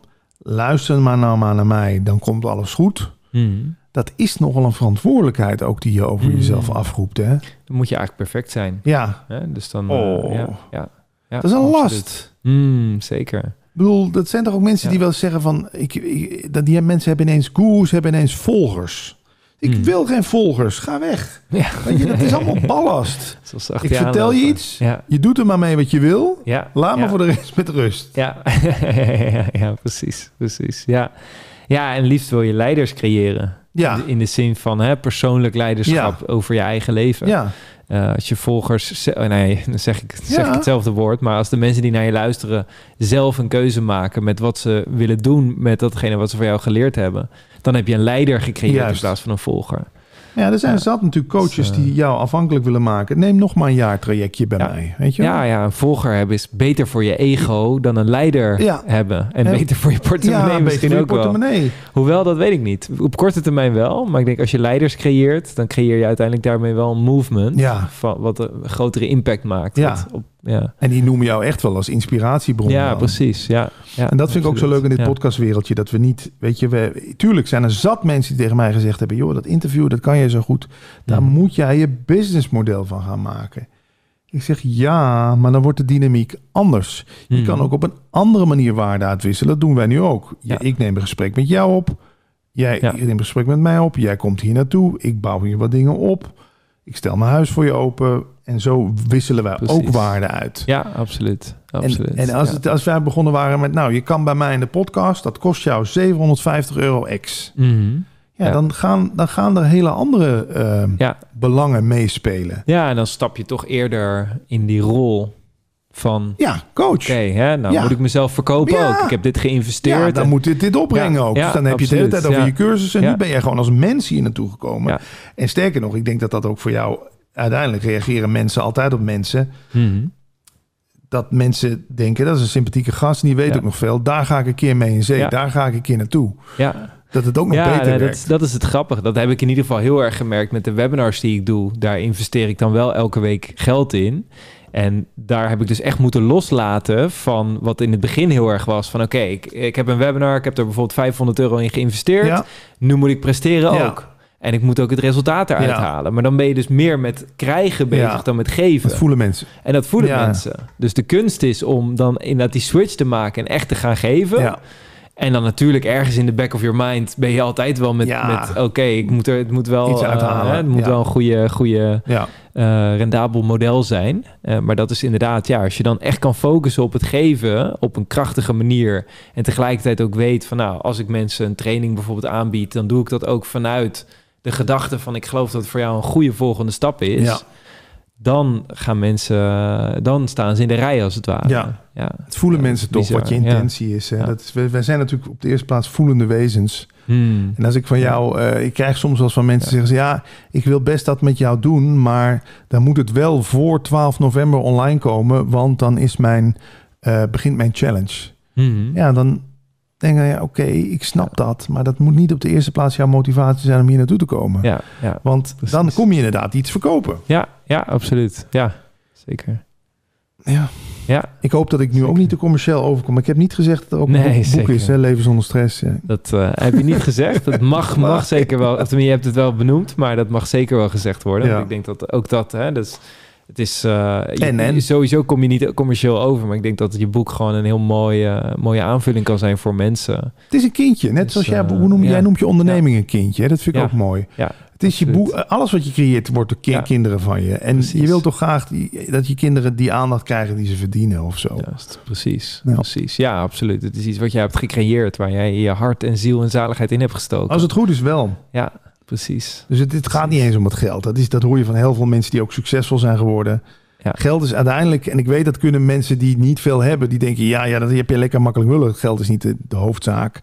Ja, Maar daar komt toch iedereen uiteindelijk achter. ja. In de armste landen zijn ze het meest gastvrij. ja dat vind ik altijd zo'n mooi Ja, voorbeeld. Ja, nee, en de zeker. rijkste mensen die zeggen vaak van, eh, nou, je komt niet verder dan, van dan de voordeur. Ja, absoluut. Ja, nee, ja zeker. zeker. Geld is uiteindelijk maar een soort van ruilmiddel wat we met elkaar gebruiken, omdat we ooit koeien eh, voor, voor een schaap uitwisselden en dat niet zo Werd- praktisch nee, meer werd. werd lastig. Ja, dus... Kijk, ik zie ja. geld, als ik dat nog moet vertellen, de laatste tijd ook steeds vaker als... Het is eigenlijk een briefje waarop staat dat jij iets gepresteerd hebt eigenlijk. Hè? Hmm. Het is een soort bewijsje van, kijk, ik, ik heb... eh, Ik heb een bepaalde waarde geleverd. ja, ik heb of- iets gedaan. Bijna van, nou, net zoals vroeger, dan had jij twee uur gewerkt en kreeg je een briefje, er stond op twee uur gewerkt. En er waren zelfs bij fabrieken vroeger winkels. Moest je van de baas ook verplicht in de winkel van de fabriek je, je, Mhm. je boodschappen gaan doen. Ja. En dan kwam je dus met dat briefje waarop stond twee uur gewerkt. En dan mocht je dan inderdaad eh, tien aardappelen, vier bloemkolen en eh, twee stukjes vlees voorhalen. Zo weet ik Mhm. het. Ja. Dus als je het zo ziet, ja, wat moet je met zo'n stapel met briefjes, hoeveel uren jij gewerkt hebt, als je dat toch allemaal niet opkrijgt of... Hmm. Het zegt niks. Ja, het zegt, het zegt Ja. hooguit over dat je je kapot gewerkt hebt. Ja, ja. Hè? En ik heb het ook wel eens ergens gehoord. Geld en tijd zijn de favoriete speeltjes van je ego. Hmm. Dus je ego denkt, ah, daar kan ik mezelf mooi mee, mee tonen. Want kijk eens hoe rijk ik ben. Ja. Of kijk, eh, vraag je toch vaak, ja mensen, hoe gaat het? Ja, druk, druk, druk. Alsof dat een soort waardeoordeel is van jou. Ja, ja, precies. Alsof Goed je dan bezig. belangrijk Ja, bent. Hè? Dan word je belangrijk gezien. Ja, Terwijl Ja, ja, absoluut. je weet wat het oplevert, stress. ja. Ja, en laten we het daar eens over hebben. Ja, hè, je titel van je boek, Leven zonder stress. ja. Wat is voor jou leven zonder stress? ja het is eigenlijk een, een, een, een unicum dan wel onmogelijkheid. Ja. Het is eigenlijk een farce. Het is eigenlijk, moet ik heel eerlijk zijn, bijna een soort lokkertje om jou naar mijn podcast toe te trekken. Want Ja, had het ja. leven met minder stress geheten, hadden toch minder mensen het Dus minder sexy. Ja, zo werkt Ja, het gewoon. Dus laten we daarmee beginnen. Leven zonder stress. Ik heb het geprobeerd. Het lukt niet. Mhm. Want alles, kan, alles kan een stressreactie in je, in je lijf veroorzaken. Ja, Dat ik ja. nu net even iets te lang op deze stoel zit, dan gaat mijn rug zeggen: hey, ga weer eens bewegen. ja, precies. Ja, dat krijg je dus. Dat is ook hulpvol. Daar kan, daar kan ik iets mee. Dan weet ik dat ik daar weer even moet recht gaan staan. Positieve stress. Op het moment dat de deurbel gaat en je hebt dan meteen stress, ja, dan moet je eens bij jezelf gaan nadenken: ben ik mezelf dit niet aan het aandoen? Mhm. Of zit mijn emmertje met stress inmiddels zo vol? Heb ik zo lang op een stoel gezeten dat ik zelfs de deurbel niet meer kan verdragen? Weet je wel? Mhm. Ik merk nu ook aan mijn stem. We zijn nu twee uur aan het praten. Dat mijn stem even zegt van hé. Hey, je zou wel even je mond mogen houden en misschien even wat mogen drinken. Ja. Dus het is een beetje, beetje stresserend dat ik nu mijn keel een beetje voel. Maar dat uitbannen, ja, dat is, dat is onmogelijk. Dat, dat, dat moet je niet willen. Dat, maar het helpt al toch dat je voor 50% minder stress hebt. Absoluut. Absoluut. Dus ik Ja. heb al met heel veel mensen erover gesproken. Die het belang van slaap, het belang van een niet te volle agenda, het belang van voeding. Nou, je, je leeft ook heel gezond, dus je weet ook hoe, hoe Mhm. belangrijk het is. Ja. Het belang van voeden met de juiste informatie. Ik, kijk, ik kijk Ja. nooit talkshows, behalve talkshows zoals Voetbal Inside, waarin gelachen wordt. Mhm. Weet je wel, of ik kijk een documentaire waar ik echt wat van leer. Ja. Er zijn, dan hebben het in het boek staan heel veel tips ook van, van documentaires en, en dat soort dingen Mhm. seminars die je kunt volgen, gratis kunt kijken, die jou helpen om gewoon ja, een beetje gezonde voeding tot je te nemen. En dan voeding is ook waar je naar luistert en naar kijkt. Ja, ja, ja, ja. Voeding qua informatie. Ja. absoluut. Waar je Ja. mee je omringt. Daar had jij het in een podcast ook over die ik hoorde. Ja. De vijf mensen om je heen die het meest van invloed zijn op jou. Ja, ja.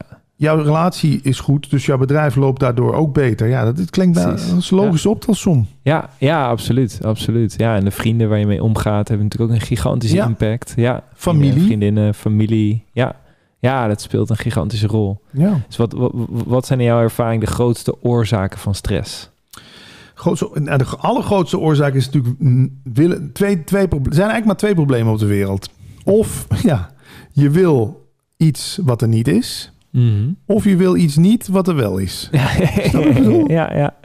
Dus ik wil nu niet dat deze pen hier ligt.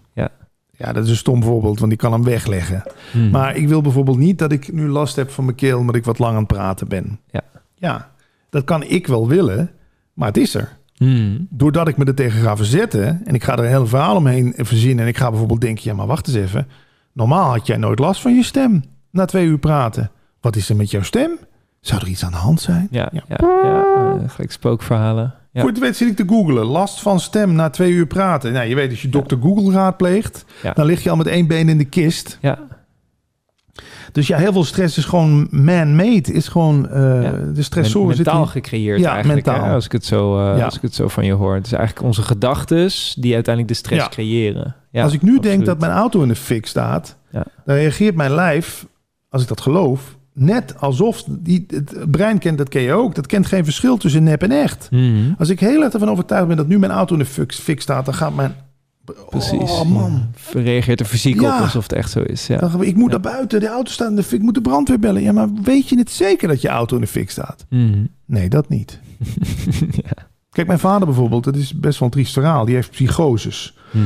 Die gelooft stellig dat de buren met een balletje tegen de muur gooien, midden in de nacht, Ja. om hem uit de slaap te houden. ja, precies. Ja. Ik, Ja. Mijn moeder, mijn broer en ik krijgen hem niet van die, dat geloof af. Mhm. Die man lijdt daaronder. Die man is daar enorm gestrest onder. Die is de hele dag aan het luisteren naar... zijn ze weer kabaal aan het maken? Ja. We noemen dat een psychose. Mhm. Maar min of meer zijn we natuurlijk met z'n allen licht psychotisch bezig. Ja, ja, ja. Ja, we hebben allemaal onze eigen fantasieën Ja. van dit gebeurt en dat betekent dat. En, ja, De absoluut. buurvrouw mag mij niet. Daar Ja. begint het mee. Ja. Of eh, hij heeft niet teruggeappt. Hij zal me wel een eikel vinden. Ja, En ik heb, Precies. ik heb die neiging ook hoor. Ik ben natuurlijk een kind van mijn vader. Dus ik, ik, ik, heb mezelf, ik ben blij dat ik me met zoveel spiritualiteit gevoer, gevoed heb. Mhm. Zodat ik niet in een situatie terechtkom waar hij in zit. Dat je medicatie Mhm. moet gaan sli- slikken. Omdat je zo in je eigen gedachtenspook, je Ja. spookgedachten aan, aan het Ja. geloven bent. Precies, precies. Ja, zeker weten. Ja, en prachtig wat je daar in ieder geval voor bewustzijn in ontwikkeld hebt en voor Ja. Verschil in gemaakt hebt. Dus eh, Maar de angst is er natuurlijk Ja. nog steeds om daar ook ooit in terecht te komen. Ik weet niet, als je, Ja. als je ooit depressief bent geweest... of je hebt in je, in je nabijheid iemand Mhm. die dat heeft... mhm.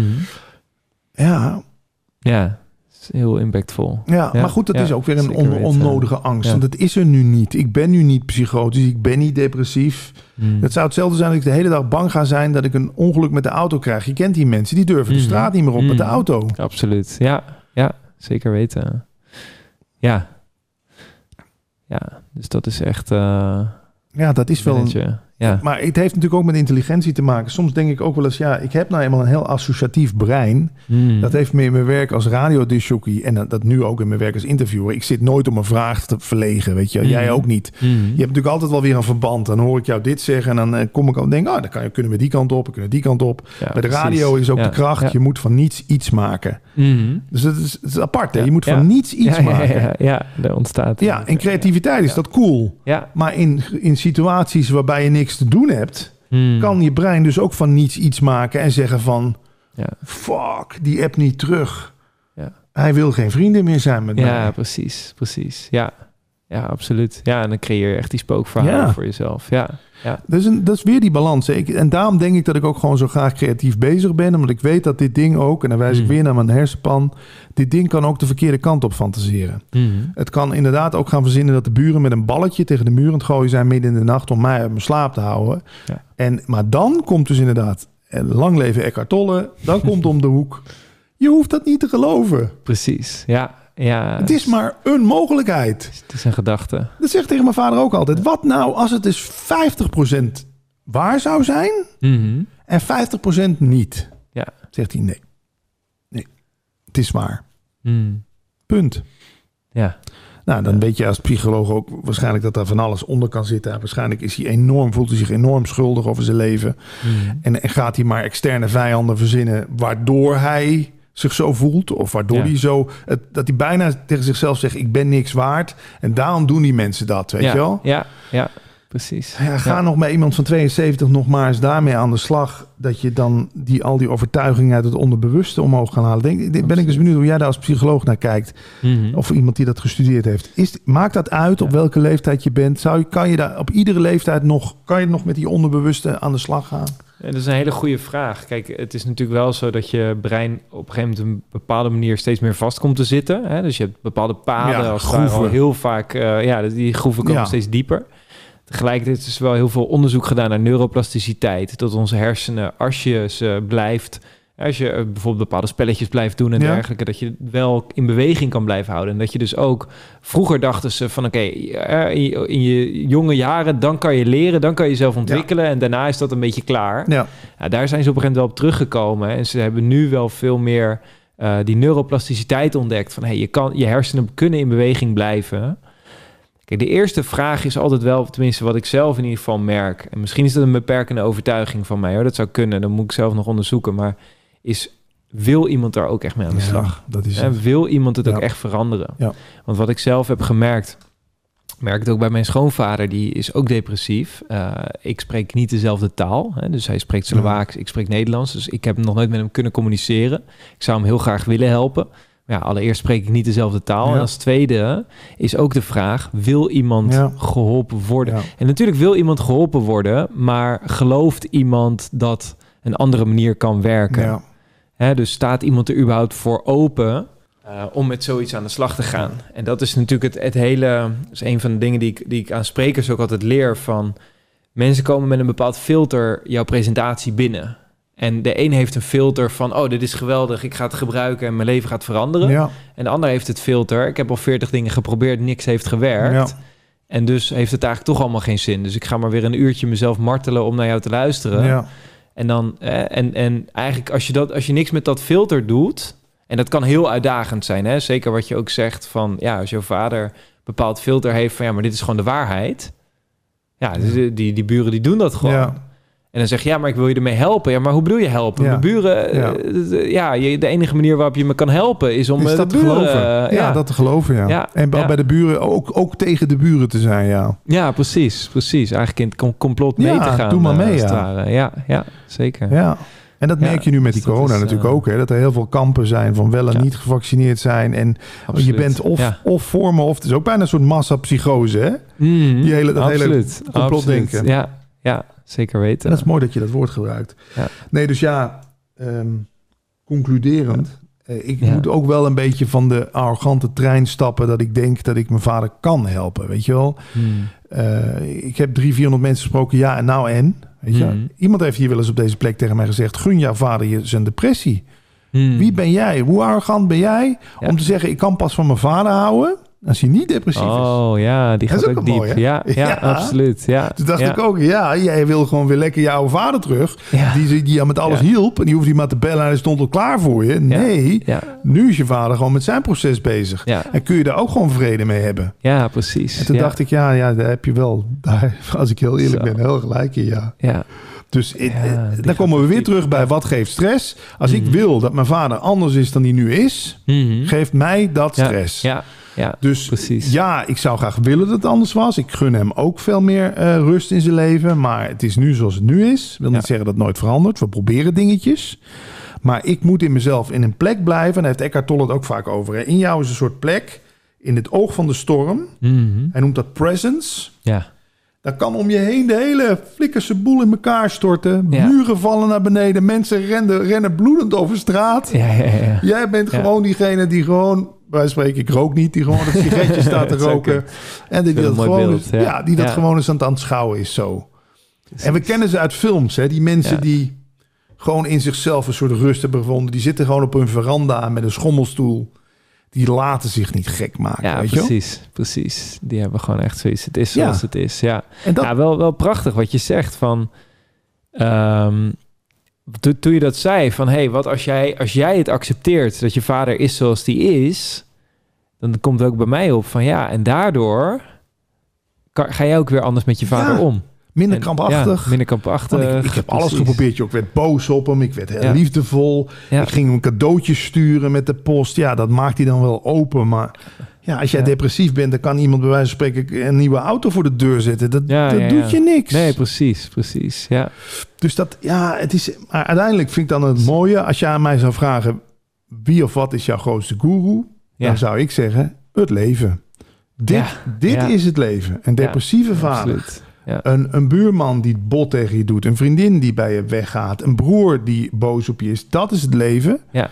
Ja. Wat leer je ervan? En misschien dat ik daarom ook wel veel van dit soort gesprekken voer. Omdat ik natuurlijk...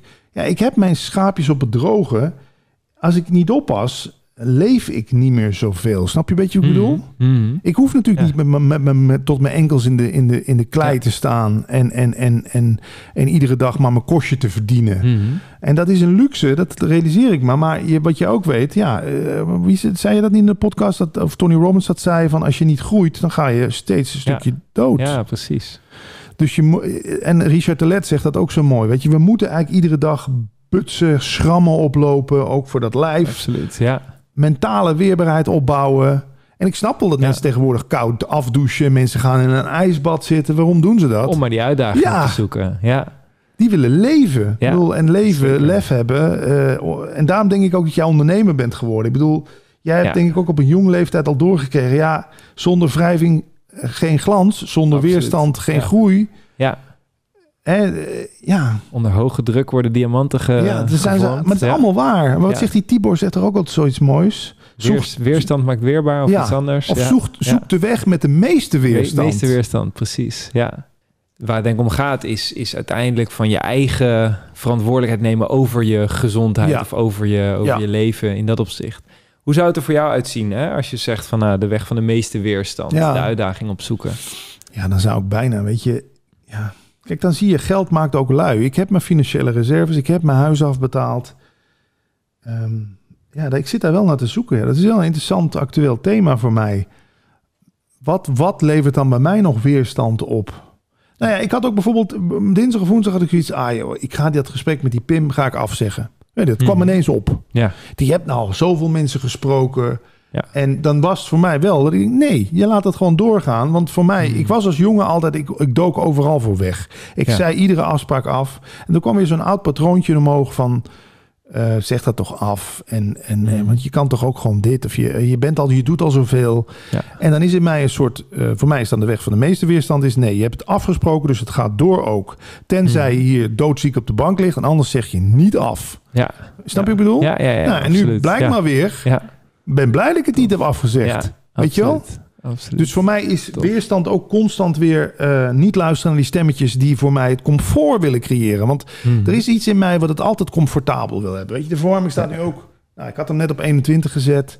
Ja. Eh, bij mijn vriendin thuis gaat de verwarming bijvoorbeeld niet hoger dan 18,5. Want die wil ook besparen en die heeft een paard wat duur is. En, Ja. en dan zit ik daar soms en dan denk ik, wat is het hier toch koud? Ja, ja, ja, ja. zeg, joh, je Ja. hebt over een uur ben je eraan gewend. Pak, pak een extra Precies. vest, weet je wel? Ja, absoluut. Ja. Dus iets in mij is, wil heel erg het comfort opzoeken. Hmm. En dat komt ook. Ik heb mijn vader natuurlijk als voorbeeld gehad. Die heeft zijn hele leven ieder comfortje eh, proberen. Of noem je dat? Ieder wisselwasje wat hem een beetje tegenstond, weg proberen te poetsen. Nou, Hmm. ik denk, dan zit je dan op je 72 knetter depressief thuis. Ja. Omdat je inderdaad in je hele leven niet echt weerstand opgebouwd Ja. hebt. ja, precies. Precies. En ja. dan ga je maar verzinnen dat, dat de buren je aan het terroriseren zijn. Dus nee, eh, ik ben met je eens. Het is voor mij een, een actueel thema. Eh, dus ik zou wat vaker misschien dan gewoon de fiets moeten pakken. Oh, dan regent het. Nee, ik pak de auto wel. Mhm. Pak gewoon de fiets. Ja, ja, Nou en regen. precies. Exact. Ja, Ja, nee, heel mooi. tips. Heel mooi. Ja, je hebt zelf de tips gegeven. Nee, ja, nee, ja, jij had het wel eh, bij mij omhoog. Precies, precies. En, en, ja. Maar ik, ik geloof weer niet zozeer in... Wat ik ook wel bijvoorbeeld dan zie. Ik Giel iedere dag op Instagram in de sportschool. Weet je wel? ja. Nee, ja, het is allemaal goed voor je. Maar wat heb je te bewijzen? Weet je wel? Mhm. Ik wil niet terugschieten in wat me in die burn-out gebracht heeft. ja. Ja. Constant maar bewijzen dat je wel goed genoeg bent. Ja, ja, ja, ja, precies. Ik wil groeien, maar niet ten koste van alles. Ja, nou ja, dat kan ik me voorstellen. En dat vind ik zelf ook soms wel eens lastig hoor. Want ik doe ook veel sporten, maar dan inderdaad maak ik ook altijd even een filmpje. En dat is natuurlijk altijd dubbel van... hey, ik kan mensen inspireren. Ja. Hè? Mensen die inderdaad Ja. op dat moment op de bank zitten en denken... oh ja, Pim is aan het sporten Ja. en die inspireert me en ik ga het ook doen. Dus het is altijd de intentie van... oké, ik ga daar mensen mee helpen. En natuurlijk een deeltje is van... kijk mij eens, ik ben weer om zes uur 's ochtends gaan sporten... en ik heb het weer... Dus ik voel dan ook wel van ja, en dat stuk zit er natuurlijk ook. Zit er ook. En ja, dat is soms wel... eh, dat, dat is constant denk ik die balans tussen dat ego... wat maar significant en belangrijk wil zijn... Ehm, en aan de andere kant eh, wel het gewoon het beste uit jezelf willen halen. En, eh, ja. Het is een gezonde balans. Maar het heeft ook met leeftijd te maken. Toen ik 28 was, was ik ook veel meer aan het showen wat mijn kwaliteiten waren. En als je Ja. op een gegeven moment hebt voortgeplant, dan zul je merken... Ja. dat is echt zo. Dan gaat je lichaam in een soort, niet in een ruststand, maar wel in Ja. een stand van... Oké, voortgeplant, vink. Ja, je bent ook zelf niet meer de belangrijkste persoon in je leven. Precies, je moet Dat wel ineens, je eh, aandacht daar leggen. En dan veranderen de rollen. En wat dat betreft is het ook wel leuk dat je in je leven al die fases hebt. Twintiger, dertiger, nou eerst tiener natuurlijk. En, ja, en, en, eh, maar uiteindelijk de weerstand blijven opzoeken. Dat is wel een les die we uit deze Precies. podcast kunnen trekken. Ja, tof. Tof. Ga maar weer wat drinken, denk ik, hè? Mooi, ja, zeker Bedankt. weten. Hey, dankjewel. Ja. Enorm bedankt. Was, eh, ik vond het echt een super tof gesprek. En het vorige gesprek, dus ook voor de mensen die nu kijken. Eh, check sowieso de podcast ook van, eh, van Patrick. Eh, Leven zonder stress. Leven zonder stress, inderdaad. En de YouTube-video van het eh, gesprek. de video van het gesprek inderdaad. En natuurlijk het boek eh, Ja. kunnen ze bestellen. En verder is er nog een andere plek waar mensen jou eh, kunnen vinden. Patrickkikker.nl, daar heb ik eigenlijk een verzameling van al mijn projectjes. Dat alles. Ja, Ja. precies. Alright. Nou, patrickkikker.nl. Daar kun je verder voor alles terecht. Nogmaals ontzettend bedankt. En eh, we gaan lekker van de avond genieten. Doen we. Yes.